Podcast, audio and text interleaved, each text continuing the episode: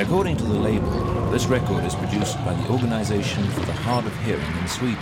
Den är lyck de s'occuper des canons laser. Är det banalt? Är det, är det, liksom, är det dålig musik? Är det kitsch? Det är roliga, det finns två företagsfestmappar. Det finns en som heter Företagsfest Svenne också. I understand that you have a serious hearing loss. Tell me, how do you react to this kind of music? Jag gillar Finland för jag tycker det liksom är Skandinaviens Jamaica på något sätt. Välkomna till nischutbudet. DJ. Ditt efternamn uttalas Alarik. Ja, det blir jättebra. Som, som den gotiska kungen. Ja, precis. Som intog Västrom.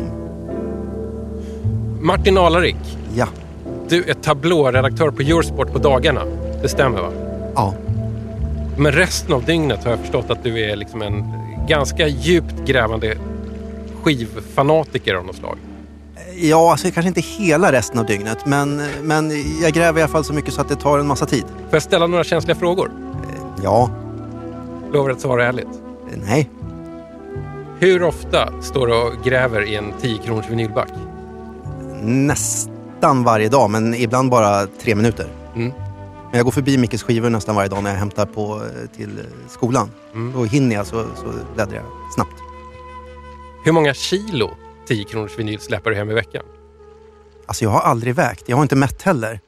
Vilken är den mest liksom, genomskinliga ursäkt inför dig själv som du liksom har formulerat i huvudet för att ändå köpa den där Gunnar Wiklund-singeln som du ändå vill ha över? Dels kan det vara så att jag köper och så tänker jag så här, "Men den här är lite finare skick än den jag har. Utan att jag är säker på det. Det, det, det finns, det, det har hänt kan vi säga. Mm. Och sen så har jag också eh, tanken, den här kan vara bra att ha i sommarstugan. Eh, innan jag hade eh, sommarstuga så hade jag tanken, eh, den här kan vara bra att ha om jag köper en jukebox någon dag. Mm. Jag ska inte plåga dig mer. Och, och det där som Gunnar Wiklund, den här sjungande bilmekanikern och folkhemssinatran. Eh, det, det, det drog jag bara till med för att jag har ändå förstått att du är den i min liksom, krets av människor som förmodligen är närmast det omöjliga. En komplett Gunnar Wiklund EP-samling. Ja, och jag är jättelångt ifrån skulle jag säga. Alltså jag kanske har 50 Ja. sjutummare med Gunnar och det finns säkert 150 tror jag. Mm. Så att det, det är svårt. Jag tar av det från kroken nu här. Eh, Det här är ett nytt vinylgrävaräventyr i snålhetens tecken. Det heter DJ 50 spänn. Det är musikprogrammet som är en podcast som är ett intervjuformat med billiga begagnade vinylskivor som ja, frågekort. Och det blir ungefär som ett nytt slags skivor till kaffet. Men istället för Bertil Perolf så får ni mig. Och jag heter Tommy Jönsson. Och då dagens skivgrävande gäst som är Martin Alarik. Välkommen! Tack! Var det jobbigt att jag liksom va, försökte vara så här Janne Josefsson om eh, 10 kronors vinyl här? Nej, alltså jag tycker det, det är rätt okej måste jag säga. Jag har så pass mycket självinsikt så att jag förstår att det, jag är delvis knäpp. Mm. Men jag tänker också så här, 10 kronors vinyl kan man alltid omsätta liksom, om den dagen skulle komma. Då får man 10 kronor tillbaka. Ja. Eh, Så att det är liksom ingen fara. Det enda är liksom utrymmet just nu som kanske är ett problem. Det är roligt att du säger det för att jag pratade om det här med en annan sån här 10 kronors vinylhoarder nu i helgen innan vi spelade in. Så eh, stod han och sålde lite dubbletter och så här ute på gatan, liksom på såna här gatuloppis i Just Hägersten. det, jag tror jag såg det här i sociala medier.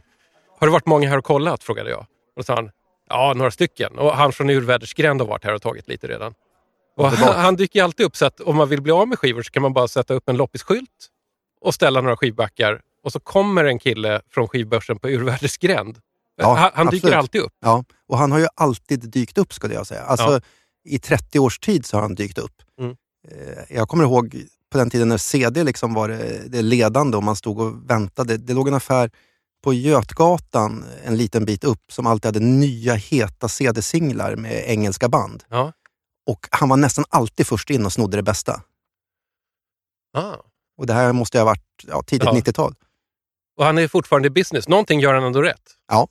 Jag hoppas att du inte tyckte att det var oschysst av mig att ställa de här känsliga frågorna i början och, och, och måla ut dig som en slags hopplös vinylhoarder. Men du och jag har lite historia inom liksom både skivgräv och skivspelande. Vi har liksom ett koncept Ja, som vi sjösatte i höstas. Swedish Smorgasbord. Kan inte du förklara vad det är?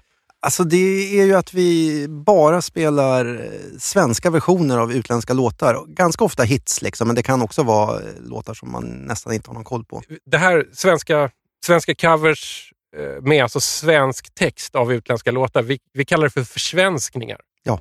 Eh, lite kul för att det känns som att det låter lite som förvanskningar.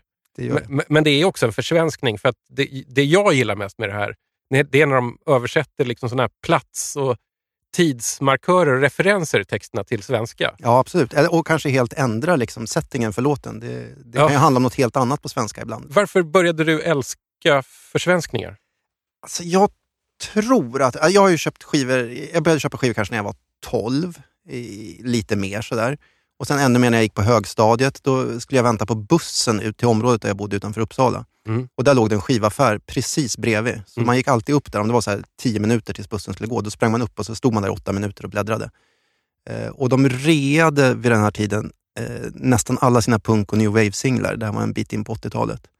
Så då började jag köpa sånt. Mm. Eh, och innan dess hade jag liksom gillat så här, ja, men klassisk pop egentligen, Beatles och sånt. Mm. Ja, och så köpte jag mycket skivor i en massa, massa år. Och så fick jag den här känslan att allting blir bara dyrare och dyrare. Det är, liksom inte, jag, det är inte roligt att pröjsa 250 spänn för en singel, liksom, bara för att samla tycker jag. Så då började jag titta mer åt 10 kronors.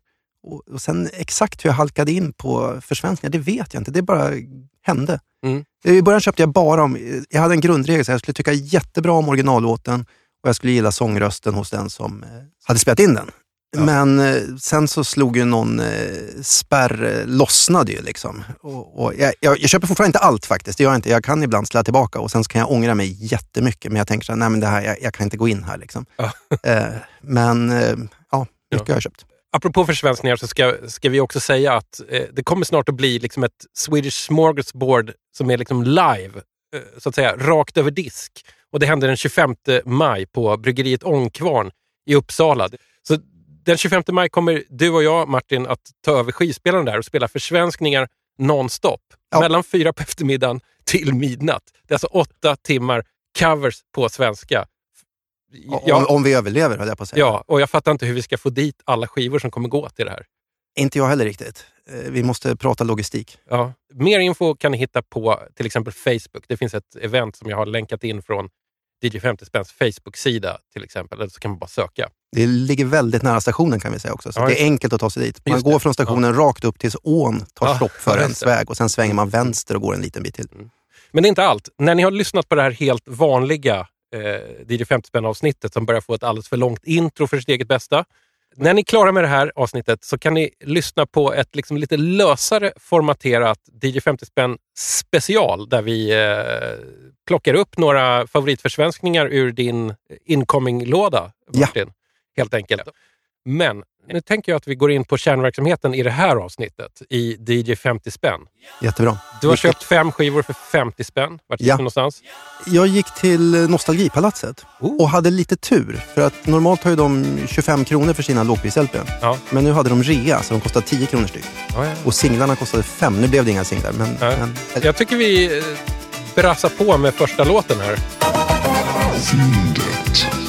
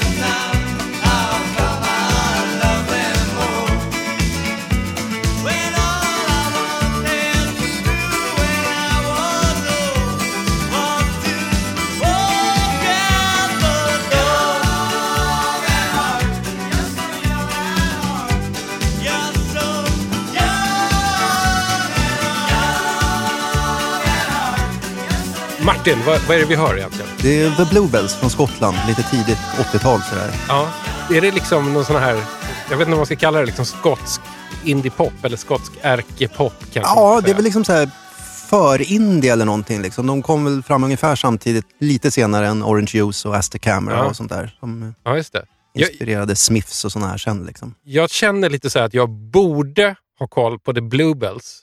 Det har jag inte. Jag tror, jag tror aldrig jag har hört dem. Även om jag förstår att det här var liksom någon form av hit, åtminstone i Storbritannien. Ja, det var ju liksom en hit första vändan. Jag har läst på lite nu. Och Okej. att den gick till typ åttonde plats på singellistan eller något sånt där. Ändå rätt bra. Det är rätt bra får man ju säga. Eh, Det var ju ganska hård konkurrens ändå Ja. vid den tiden. Liksom.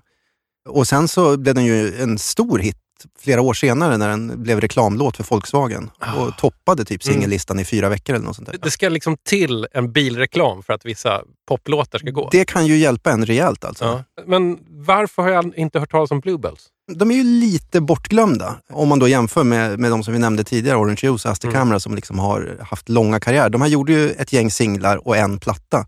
Och sen blev det liksom inte mer. Och det står också, jag, jag har ju tjuvkikat på Wikipedia. Vad och, som hände sen? Ja, och det här är ju ändå så här, det är lite så här indie-nördigt, så man skulle kunna tänka sig att någon har varit inne liksom och fyllt i allting. Ja. Men det är ingen som har varit inne och lagt in att det kom en platta för några år sedan med det som skulle ha blivit deras debutplatta. Eh, på ett litet, litet bolag var det någon entusiast som gav ut. Jättefint. Men det har, inte ens det har någon lagt till. Nej. Liksom. Så att, Ja, men jag läste också lite så på just så här, vad hände sen?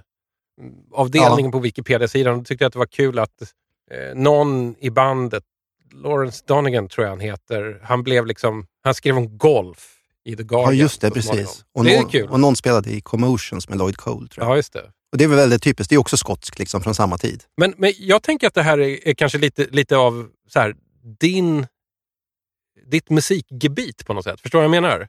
Ja, lite grann så här. Alltså, rak pop. Ja. ja. Vad, vad är det du gillar med den här musiken? Eller liksom, hur halkade du in på den?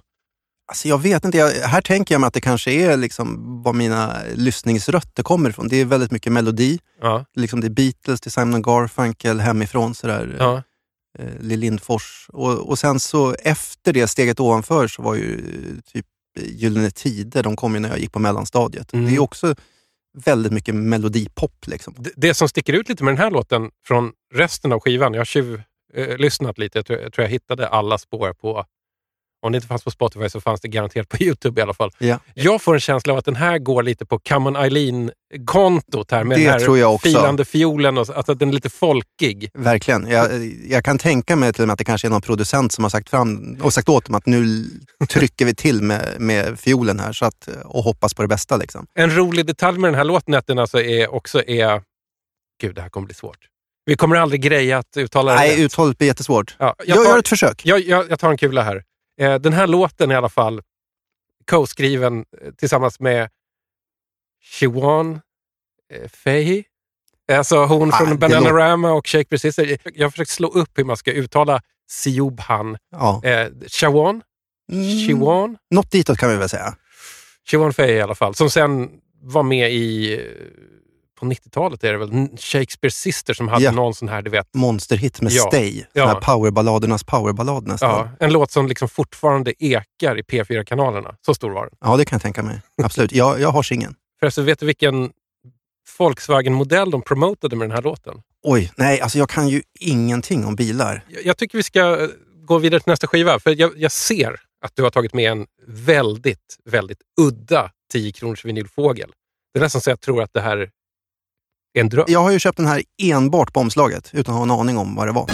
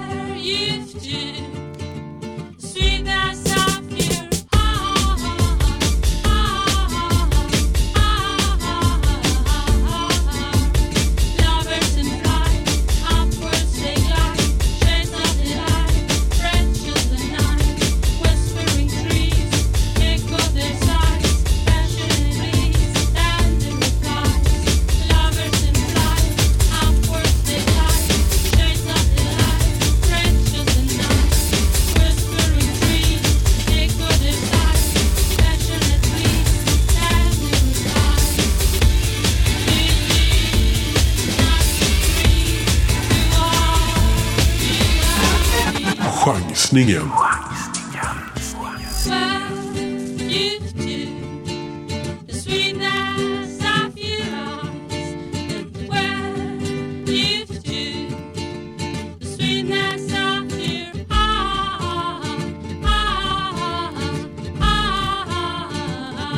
Alltså, jag älskar att du hittade den här för en tia. För det, Ja. det känns inte som att man ska hitta sån här musik i en 10 kronors back. Nej, kanske inte. Alltså, jag är ju helt eh, novis och rudis på genren. Jag har liksom noll koll. Jag köpte bara för att det var en tuff dödskalle på. Ja, just det. Omslaget är liksom en, en genomskinlig dödskalle mot någon slags röd bakgrund. Ja, och lite genomlyst sådär. Lite, lite sådär okult. Kanske Ja. också lite nördigt pojkrum. Eh, Lite bu- buttrick satanism är ett ord Ja. som kommer upp i huvudet. Det, det är ett bra ord. Eh, också lite så här alternativ liksom, eh, teater av Hamlet eller någonting. Vi har alltså en låt som heter The Lure of You med Jason Forrest. Ja. Jason, vem då? Jag har ju ingen aning. Det här är så, det är så obskyrt, men det är också sent. Den här är från 2005, tror jag. Ja, det tror jag jag läste mig En, till en också. fyraspårs EP som heter Lady Fantasy EP av Jason Forrest som innan han gick över till att använda sitt riktiga namn så kallade han, han sig för Donna Summer. Eller DJ Donna Summer. Han har ingenting med sångerskan Donna Summer att göra. Vilket är lite synd, men det är ändå väldigt bra Ja, namn. ja. DJ Donna Summer, det är fantastiskt. Ja, Men sen måste vi också säga att eh, alltså, fyraspårs-EPn var ju då på CD, för det är ju fem spår på vinylen. ja just det. Man får någon slags bonus om man köper den här. Ja. Hur reagerade din kropp när du liksom lyssnade på den här skivan första gången? Alltså, den reagerade inte så mycket min kropp. Jag, jag tyckte det var lite kul ljud här och där. Liksom sådär, och, ja, småsvänget på sina håll. Ja. Vi, vi körde ju liksom radiohitten från den här EPn. Resten av skivan låter ju lite Ja, den är ju knepigare. Om man, om man ska beskriva resten av skivan som kanske också beskriver lite genren som kallas för breakcore, Ja. som, som är lite besläktad med en annan jätteokänd genre som heter drill and bass. Det är att allting går snabbt, allting är upphackat, det är väldigt rastlöst. Det händer liksom saker hela tiden. Det är verkligen så här eh, musik med ett kort attention span. Nu tänker jag så här, eh, det här är bara saker jag har läst om, jag vet Ja. ingenting om sådär. Men folk som liksom så här, kör nattaxi i London och så, och så liksom sitter de och skruvar och skruvar och skruvar på radion för att hitta olika stationer. Och här behöver de inte göra det, för att det här skruvar skivan själv. Liksom.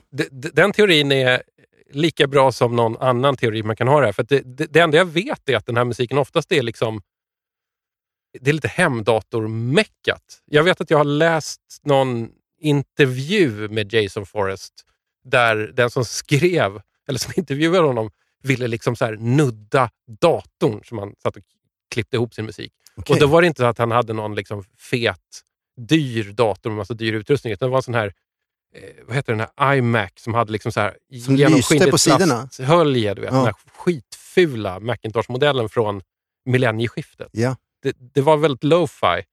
Eh, det lilla jag vet om Jason Forrest det alltså att han kallade sig först för Donna Summer, eller DJ Ja. Donna Summer. Jag antar att han inte riktigt kunde komma undan med det, så att han blev Jason Forrest. Han drev ett Just det. skivbolag som heter Cock Rock Disco. Okej. Han älskar att sampla 10 kronors vinyl. Och Bra. gärna, gärna Cock Rock. Ja, det var mycket mer än vad jag visste. Ja. Det är bra att få komma hit och få en An, lektion. an, liksom. Anledningen till att jag vet det här är att jag, har ett, jag hade en period i mitt liv då jag halkade in på, på så kallad breakcore. Varför vet jag inte, men innan vi började spela in idag så var jag faktiskt tvungen att försöka liksom tänka tillbaka. Så då tror jag att det har att göra med Aphex Twin. Okej. Eh. Window Licker, när, när Window Licker kom 1999 och nästan blev en hit. Det var en sån man kunde, Mm. man kunde gå in på en vanlig bar och höra Window Licker det. ett tag. Eh, även om det är... Ja, men Aphex Twin känner ju jag till. Men d- d- där är ju samma grej, att det är väldigt rastlöst. Att det är, det är så här lite digitalt kvaddat och så byter det liksom inriktning lite då och då. Ja. På något sätt. Om man bara köper det, ja, ja, det ska vara så.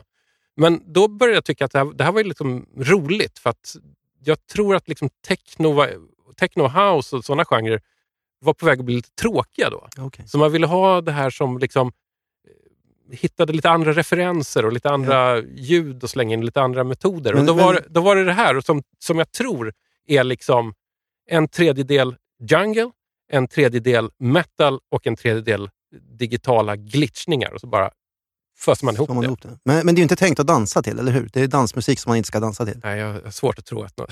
Ja. Eller ja, Eller det, det kanske finns folk som kan dansa till det. Jag har ingen aning. Nej. Jag, jag ser det här som någon slags så här CDR musik. Okej, att man spelar in det och, och sen så... Ja, för, för att jag minns att jag, att jag ganska lätt kom över mängder av sån här musik och då var det ofta på liksom CDR-skivor. bara Ja. Någon hade krafsat på en CDR-skiva så bara, Just här är min nya skiva. Hmm.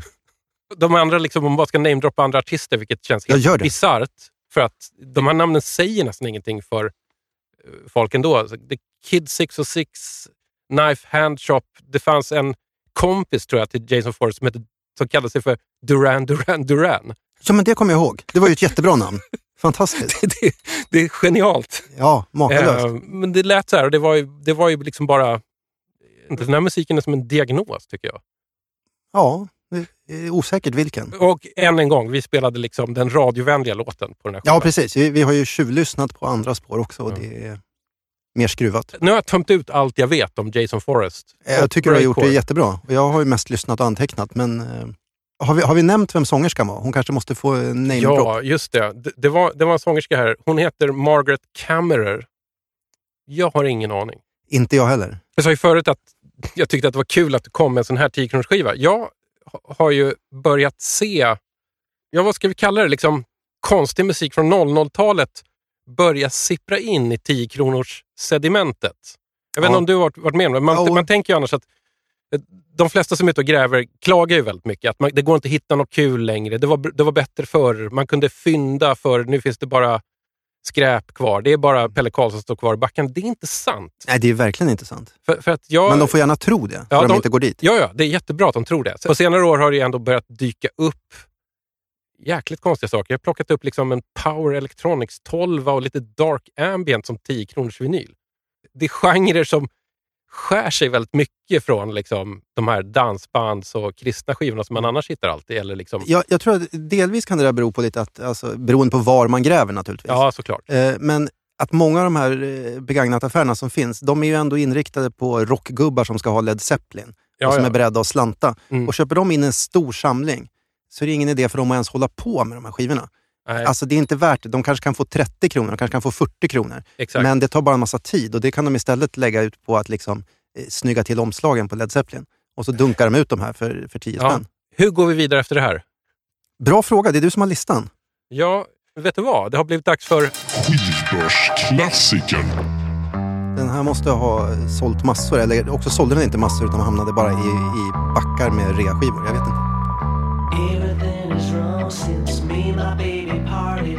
All day long I'm walking cause I couldn't get my car started later from a job. I can't afford to check it. I wish somebody come along and run into the wreck it, yeah.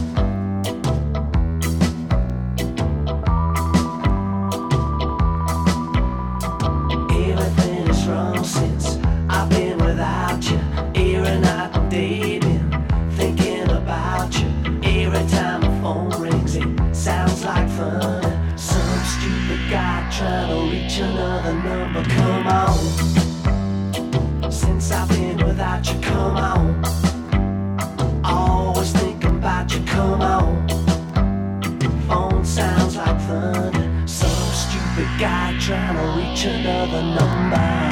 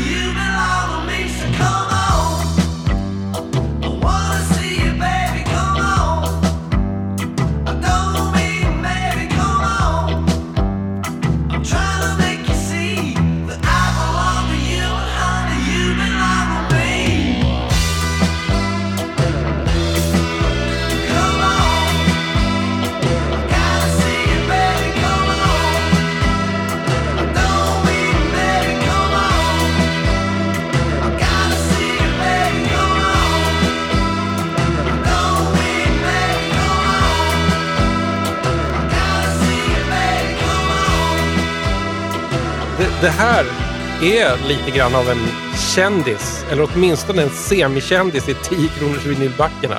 Vem är det vi hör? Alltså det här är Ian Gom. Mm. Eh, Kanske inte ett namn som alla svenskar skulle förknippa med någonting, skulle jag säga. Men, men de som bläddrar mycket i skivbackar har nog sett åtminstone två av hans skivor, kanske tre. Men mest den här skulle jag Ja. säga. Vi- Vi har alltså lyssnat på en låt som heter Come On. Eh, Ja. Det är egentligen en Chuck Berry-låt, men den får väl sitt liksom 70-tals treatment här av, av Ian, tror jag. Ja. Och det är från ett album som heter Summer Holiday från 1978.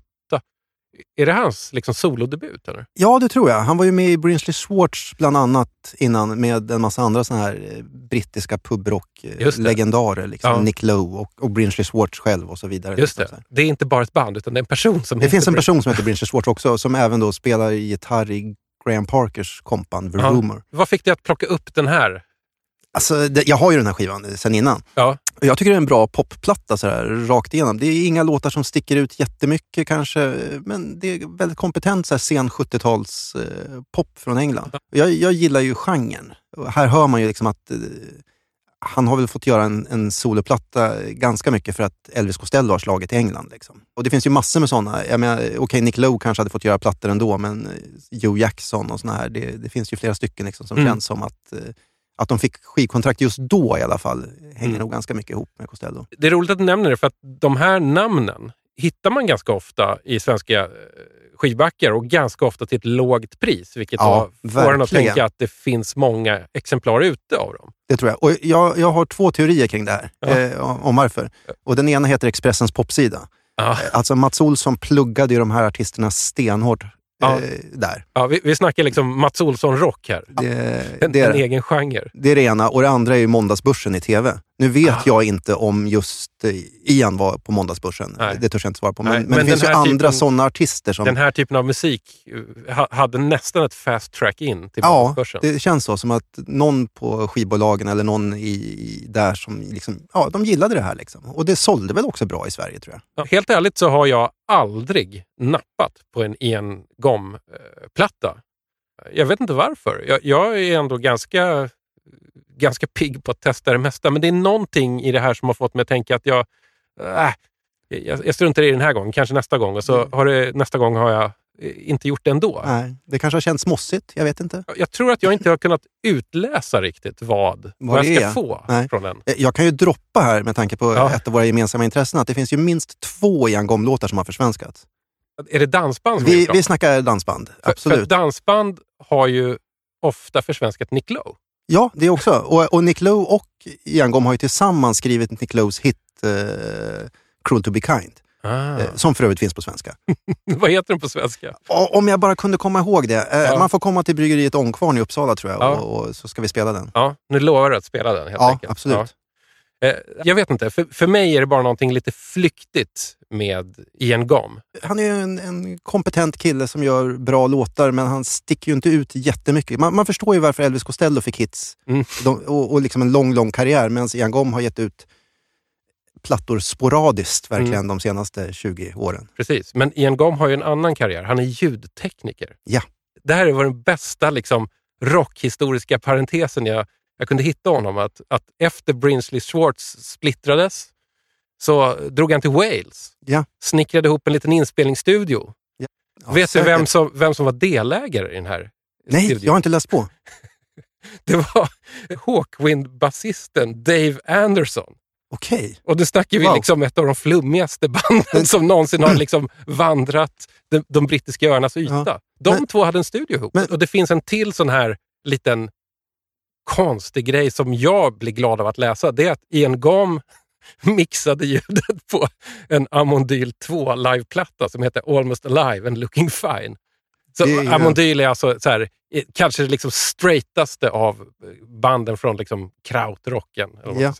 bara det att han hade en studio i Wales, vilket ju även då Dave Edmunds hade, som eh, hade Rockpile ihop med Nick Lowe. All, Ja, allting ja. går ju ihop liksom, på något Precis, sätt. och där kom det två ting, så här, ping, ping, så här, rockgubbar i svenska 10-kronorsbackar. Ja. Vi har ju refererat lite till pubrock. För, för den som inte liksom eh, sitter och läser sin rockhistoria jättenoga så är pubrock behöver inte vara ett skällsord för att det är gamla gubbar som spelar rock. Det kan absolut vara det, men från början så betyder det bara att det var en sån här liten back to basics-reaktion. Ja, När, precis. när liksom progressive rock och, och glamrock och stadiumrock började bli för stort så fanns det en liten motrörelse någonstans i England Ja, framförallt. i, i London framförallt tror jag. Alltså, det var band som spelade på pubbar och de... Ja.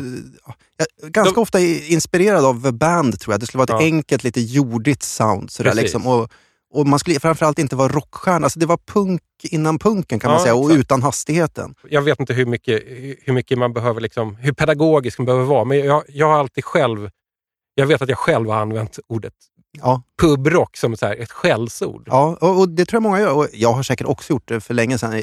Jag, tycker ju att det är ett eh, honnörsord idag. Liksom. Ja. Jag, jag, jag är ju väldigt svag för det.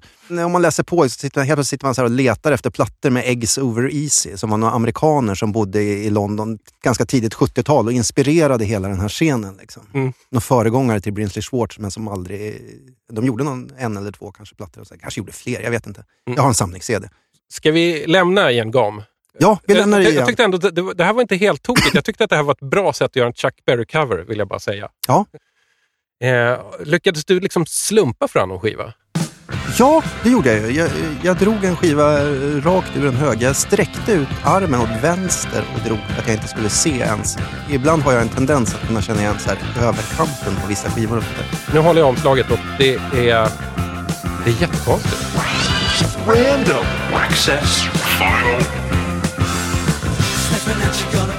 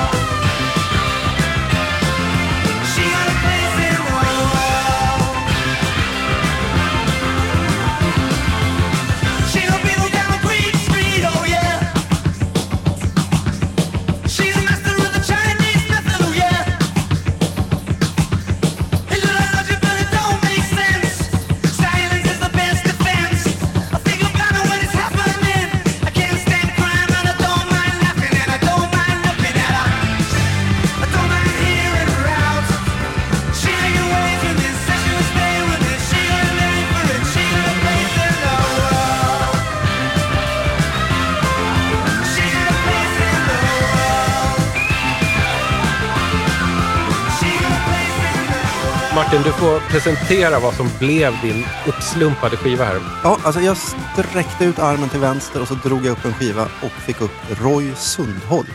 Ja. eh, Som poserar snyggt på omslaget i sin röda kavaj. Ja. Och bakom sig så har han då eh, ett gäng kinesiska kvinnliga militärer med eh, gitarrer som vapen. Roy Sandholm heter han alltså. Låten som vi spelar heter A Place in the World. Det är från ett album som heter The Chinese Method, utgivet 1979. Alltså 1979, det hör man ju. Det är det här absolut. powerpop-drivet som var Ja, så fa- populärt fast där. inte riktigt den powerpop som jag vill ha. Jag tänker mig att här har de siktat liksom mot den amerikanska radiomarknaden. Ja, ja. Det är lite för mycket gitarrer som... Det är ju inte hårdrock liksom. Nej. Men man förstår liksom att vart de vill. Ja. Och, och för mig är det lite fel. Jag föredrar ju Ian Gom i så fall. Ja. Och sen vet vi inte. Alltså, han kanske heter Roy Sundholm. Vi hoppas det. Eh, han kan också heta Roy Sandholm. Jag skulle nästan vilja efterlysa här att om någon ute i det avlånga landet som lyssnar på det här känner till Roy Sundholm och vet om han har en svensk koppling Ja. så kan ni väl mejla in till programmet så att vi får Ja, veta. För vi har inte hittat någon Ja. info. Dra ett mejl till hej dj50spann.se. Det här är programmets mysterieskiva. Ja. Jag vet inget. Det finns väldigt lite info om Roy kan man säga. Mm. Eh, Det som finns ju dock väldigt roligt och det handlar inte om Roy utan om hans tidigare band då som heter, jag måste tjuvtitta på min lapp här, Rat Bites from Hell. Det låter lite punk och det låter lite meatloaf. Ja, Men jag, jag, jag har aldrig hört talas om det. Inte jag heller, aldrig. Men, men när man börjar läsa på om dem så är det ju ganska spännande. Eh, våran kille då, han spelar ju bas och sjunger. Ja. Eh, och, ja. Men däremot så är det ju medlemmar då. Sen, det är någon medlem som, eh, som är med och skriver The Records eh, USA-hit får man väl ändå säga, topp 40-singel. Liksom, eh, Starry Eyes. Ja. Är, Och- är det powerpop du är bekväm med? Ja, det skulle Mm. jag säga. Absolut. Och sen har de en, en annan medlem här eh, som eh, då är John Perry som blir gitarrist i Only Ones, eh, pop-punkbandet som eh, Mm. släpper Mm. en av världens bästa singlar med Another Girl, Another Planet. Mm. Och han träffar Peter Parrott på någon, eh, något gig liksom, för att en annan medlem i, i bandet, eller före detta medlem, faller ner från scenen och landar på Peter Parrotts fru Oj, som dessutom heter Sina med X. fantastiskt. Jättebra information tycker jag. Och någonstans i bakgrunden av det här finns då eh, Roy Sandholm. Ja, och om Roy står det en mening på Wikipedia i samband med den här artikeln. Det står att han gjorde en soloplatta, den här. Kollar man på Discog ser man att han faktiskt gjorde två soloplattor, men Ja. det glömde de bort. På hans artistbiografi på Discogs står det jättekortfattat också. Roy Sandholm was a one-time member of the legendary Spencer Davis Group. Är det sant? Jag vet inte när det skulle ha varit. Men alltså, han kanske Alltså- bara var turnémusiker då, eller? Jag hittade nästan inget. Det- Det fanns några ledtrådar som inte ledde någonstans. Nej, det där är ju både frustrerande och underbart. Ja. Roy verkar ha varit en ganska okej kille som fick göra Mm. en lite generisk popplatta liksom. Och, Ja. och någon hoppades att det här skulle funka. Och det gjorde det väl inte, gissar jag. Ja, Jag, jag bara tänker så här att den här kom 1979. Det låter som The Knack, men problemet var att The Knack hade liksom redan langat ut sin stora hit och dränkte all sån här musik. Ja, det fanns ju så otroligt Eller- mycket sånt här. Ja, det Jag- fanns jättemånga band som lät exakt så här. Jag köper ju, mm, inte alltid, men ofta om jag ser någonting som ser ut att vara liksom, ja, men lite åt powerpop-hållet 1979 till 81 eh, Mm. för 10 spänn, så köper jag det och tar hem och tänker Mm. att här kanske den stora liksom, powerpop-låten som, som ingen har återupptäckt än finns. Liksom. Ja. Men det gör den ju nästan aldrig. Nej. Eller den gör ju aldrig det. Men ha- hade du en förhoppning på Roy Sundholm och hur liksom tillfredsställd känner du dig nu när du hör det? Alltså, jag blev ju glad när jag drog upp den. Mm. Eh, det kunde ju ha varit något helt annat. Liksom. Eh, Jag hade i och för sig varit glad, eh, det här ska jag säga, om jag hade dragit upp en kvinnlig artist också. För det här är ju ett helt snedvinklat DJ 50 spänn. Får man Ja, får ja, skämmas lite Ja. över eh, som, som skivgrävare. Men jag kan lite grann skylla på skivbackarna i alla fall. Det Mm. var liksom inte så mycket. Mm. Nej, men det, det är ju männens värld i, i Ja. 10-kronorsbackarna, ganska mycket. Fyra av fem killar avbockade. Ja. Den sista killen är långt ifrån så här obskyr. Nej, han är ju tvärkänd. Nostalgiköpet. When I think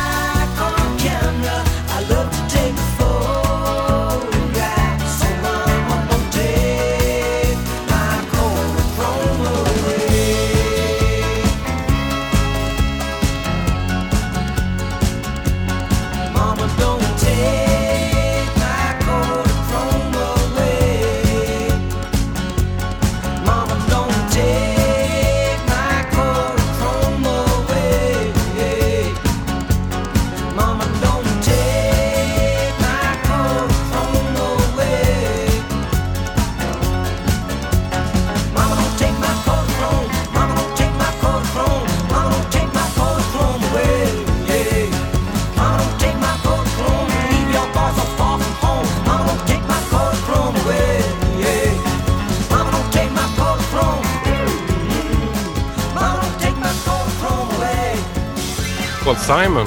V- vad heter den här låten? Kodak. Kodachrome Får får vi säga det? Det är inte reklam. det. Nej, men jag är utanför public service-världen så jag får säga Kodachrome hur mycket jag eh, vill. Finns Kodachrome ens längre? Det, det kan ju vara så att det inte finns längre. Nej, jag tänker det. Det görs väl inte jättemycket film Ja. längre? Det här är från eh, albumet There Goes Rhymin' Simon Ja. 1973. Ja, jag tror det. Du Ja. sa innan att den här fanns hemma hos dig när du var liten. Ja, absolut. Eh, jag brukar alltid säga att jag har fyra hörnstenar liksom, så här, i eget musiklyssnare från när jag var liten. Ja, få höra. Och då är det ju... Två av dem är utstraffade redan ur DJ 50 spänn. Ja. Det är Lill Lindfors, Du är den ende, Ja. fanns. Ja. Eh, Gilbert O'Sullivans, Mm. eh, Himself, fanns. Och sen så sån här självklarheter nästan. Beatles, Goliath, But Oldies. eh, Fram till liksom den lite mer psykedeliska. det är bara hits från Ja. max 66 är de väl till. Och så. Simon Garfunkels eh, Greatest Hits. Och och den här är väl liksom femte hjulet på den eh, Ja, vagnen, fattar. eller Ja. under. Man kan ju säga att, att du växte upp med 10 kronors vinyl innan 10 kronors vinyl blev 10 kronors vinyl. Det kan man ju säga faktiskt. Så det är inte så Alla de här konstigt. skulle man ju ha kunnat Ja. hittat någon gång i 10 kronorsbackarna. Alltså, Paul Simon har dykt upp två gånger tidigare i DJ 50 spänn och då har ju jag haft någon sån här regel om att när en artist dyker upp för tredje gången så straffas den ut för att det inte ska bli för tjatigt Ja. att lyssna på DJ Så, 50 så jag stänger Paul Simon-boxen Ja, nu. precis. Eller vi kan väl säga att han är utvisad ett tag i alla fall. Han kanske Ja. får komma tillbaka en vacker dag. Ja. Jag har ju redan brutit mot den där regeln. Jag har, Har låt, du? jag har låtit Alf Robertsson komma in en gång för mycket tror jag. Men Alf måste ju ha någon specialparagraf, det tycker Ja, jag är rimligt. Exakt. Men du, vad, vad tänker du när du hör den här idag? Alltså, jag tycker det är, det är väldigt trevlig radiopop skulle jag säga. Ja. Man fattar ju att den här kan ju fortfarande dyka upp på P4 tänker jag mig. Det, Och- det är en feel låt Ja, det är det. Och, eh, stor hit när det begav sig. Var två, eller albumet var tvåa tror jag på Billboardlistan. Liksom. Mm. Så att det är ju, Mm. singeln var väl också... Jag läste någonting att i England tror jag inte den fick komma på singel för att det var ett produktnamn. Eller det var ingen idé tyckte de, för den kunde ändå inte spelas på BBC, så det var ingen idé att släppa den på ja. singel. Ja, ja. ja det, det är ju logiskt kanske. Eh, det är roligt att du nämnde Gilbert och Sullivan innan, för att dels så tycker jag att den här låten börjar lite som en Gilbert och Sullivan-låt. Det kan ju vara att jag har hypnotiserat mig själv genom att faktiskt ha tagit mig an och lyssnat på Gilbert och Sullivan. men det är någonting med fraseringen kanske Ja. som, som ligger lite åt det jag hållet. kan ju också liksom. lura mig själv, för jag gissar att Gilbert och Sullivan, som var rätt stor här 1973, var ganska influerad av. Han hade ju säkert lyssnat mycket på Simon Garfunkel, det kan Ja. man ju säga. Men apropå Gilbert och Sullivan också, är ju att du är ju en av dem som jag har i min bekantskapskrets som jag, jag själv reagerade på att du tog Gilbert och Sullivan i försvar. Ja, ja. För att ett, på, på många sätt är det jättetöntig, Alltså, mjuk, absolut. mesig musik. Du var en, en, en, en sån som sa, liksom, lyfte fingret, eller nästan lyfte knut, knytnäven sa att Get Down är en jättebra låt.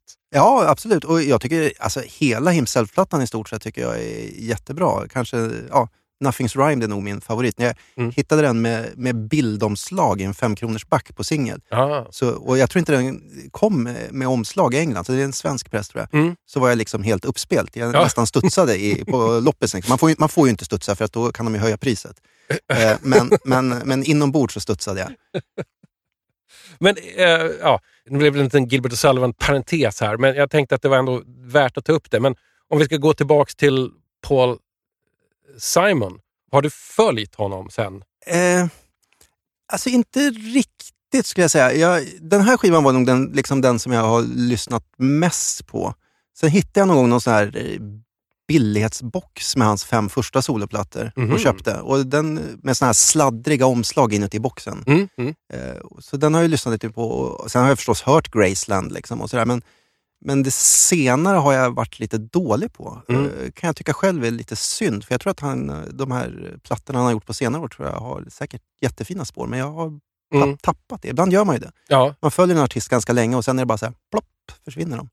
Om man ska ta någon annan artist, liksom, eh, modernare, så har jag samma grej med Nick Cave till exempel, som jag Mm. tyckte var jätte, jättebra ganska länge. Mm. Eh, och som säkert gör precis lika bra plattor idag. Men jag lyssnar aldrig på dem, för jag, liksom, jag, Mm. jag har fått min dos på något sätt. Men du, jag, jag tänker på eh, det här. eh, DJ 50 spänn. Det är ju till viss del, som man kanske kan börja misstänka nu, lite så här självterapi för mig själv. Jag behöver känna att jag inte är ensam om att hårda på mig skivor bara för att hårda på mig skivor. Bara för att de är billiga, bara för att de finns där. Eh, va, du är ju också en sån. Du, du köper ju mycket och du köper mycket billigt. Ja, det gör jag. Om du bara ska liksom så tänka på vad har, du liksom, vad har du fått av 10 kronors vinylen här i livet? Alltså, dels har jag lyssnat på saker som jag ju inte skulle ha lyssnat på annars. Mm. Alltså, eh, man kan ju bara plocka upp en skiva och så kan man tänka så här, "Ah, jag testar den. Liksom. Den Mm. kostar 10 spänn. Det är, Mm. liksom, det är ju ingenting. Mm. Eh, sen har jag fått lite ont i ryggen eh, av att bära dem och stå på knä på Ja, skivbörsarna. det, ja.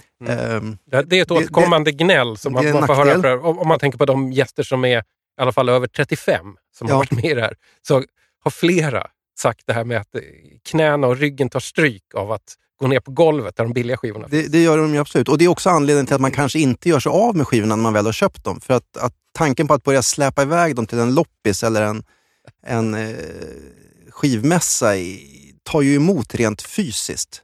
Mm. Jag har haft funderingar på att jag ska ställa upp ett bord i hallen hemma och sen så bjuda in eh, väl utvalda människor som får komma och bläddra på det bordet. Mm. Jag vet hur det kommer gå. De här välutvalda människorna kommer komma förbi.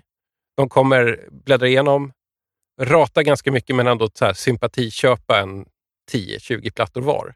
Det är ju ganska bra ändå. Ja, och sen kommer det knacka på dörren och då kommer han, killen som har skivbörsen på Urvärlders gränd, Just det. och komma förbi.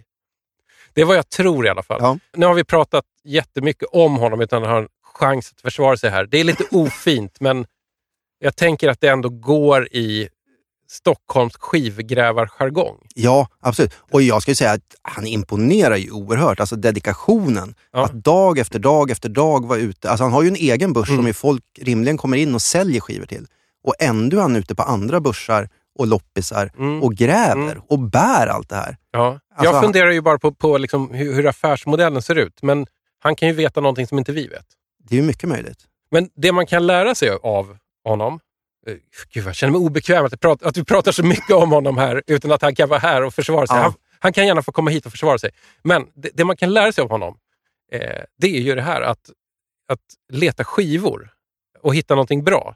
Det är ju ingenting man bara gör sådär på en gång, utan det är det är ju det är en uthållighetssport. Det är enduro. Det är vad det är. Det är liksom novemberkåsan fast med liksom svart plast istället Ja. för lera. Nej, men så är det ju. Ska man hitta någonting så ska man ju, helst ska man ju gå varje dag förbi en affär. För att Ja. eh, de ställer ju ut nytt. Liksom. Och Mm. är det någonting som är bra så står det ju inte Mm. längre än en dag. Mm. Sen är det ju borta. Jag tänker att vi kanske ska sätta punkt här och eh, ta med din bonusskiva som du konkade med dig hit. Ja, Eller som jag, konkade och konkade, en singel, den är Ja. inte så tung. Men och jag köpte den i veckan bara. ja. vad va, vad var det som for genom huvudet när du tog med den här? Alltså den hade ju inget bildomslag va? Nej, den låg bara en påse. Eh, alltså, dels var det att jag inte kände igen eh, etiketten. Och så tittade jag lite och då stod det AP3 i... Om det nu uttalas AP3, jag vet inte. Jag tror det. Ja, Kosta AP3 alltså från Samlarmannans Manna och eh, en massa Ja. andra grupper som Ja. eh, har knoppats av därifrån. Pre- Precis, han, han är väl en av de största inom den knepiga delen av proggen kan man säga. Eh, Var det han som satte ihop stora progglådan också? Eller är det Jag tror att han kan ha haft någonting med det att göra. Ja. Det, Eh, Det var bara en idé som for Ja. genom huvudet på mig. Jag har Ja, inte kollat det, upp det här Det är alls. mycket möjligt. Och Costa P3 har liksom aldrig slutat. På 80-talet så gick han från liksom prog och liksom knepig prog med ett G. Eh, får, Just får man ändå säga att han höll på med till att göra lite mer elektroniska grejer. Lite som det här. Ja, det här låter ju i mina öron väldigt udda. Vi njuter, eh, eller förfasas lite här av Costa Petreas eh, collage. Jag vet inte vad jag ska kalla det. Cut up hip- hiphop. va? Ja, jag kan inte riktigt. Alltså det, min tanke när jag lyssnade första gången, det var ju så här, det som tror kallades collage. De skrev om det i tidningen Schlitz på den tiden. Det var en musiktidning. Och den enda gruppreferensen jag har egentligen, det var Cold Cut som Ja, hade just lite det. hits vid kanske ungefär samma tid. Okej, jag tänker stänga eh, lådan för det här programmet. Tack så mycket Martin Alrik för dina fem eh, luckor till den dolda musikhistorien.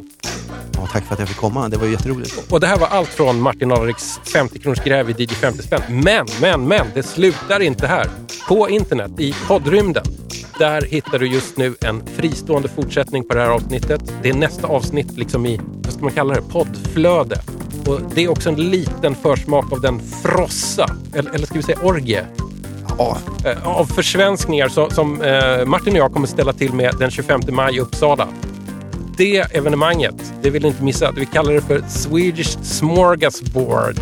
Och det är alltså att vi i åtta timmar kommer alltså brassa på med så många försvenskningar av utländska låtar som det går. Droppa några låttitlar här som vi kanske kommer höra.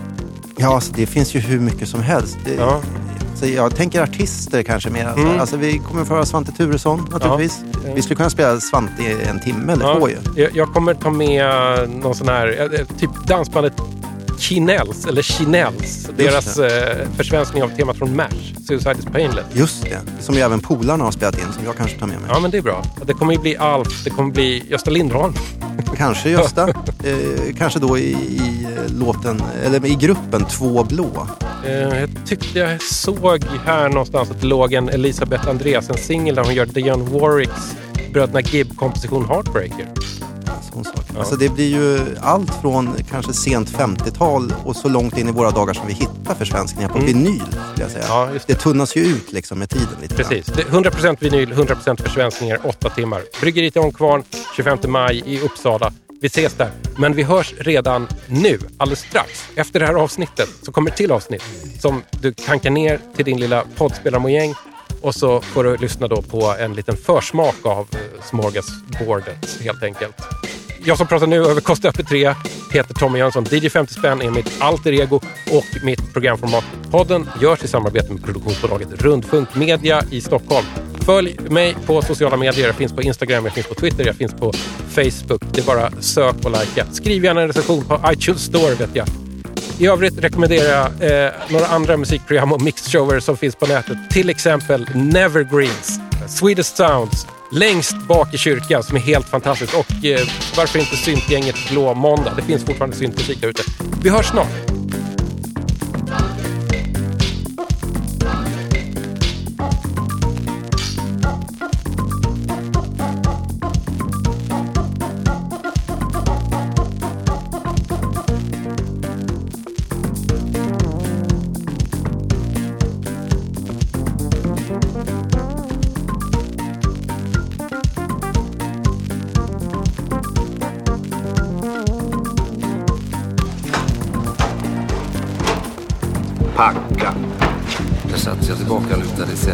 Rusa iväg. Hörde bilens lite dova motorljud. Ja visst ja, kappan. Motorljudet och musiken försvann. Ytterdörren. Vad är det egentligen som håller på att hända?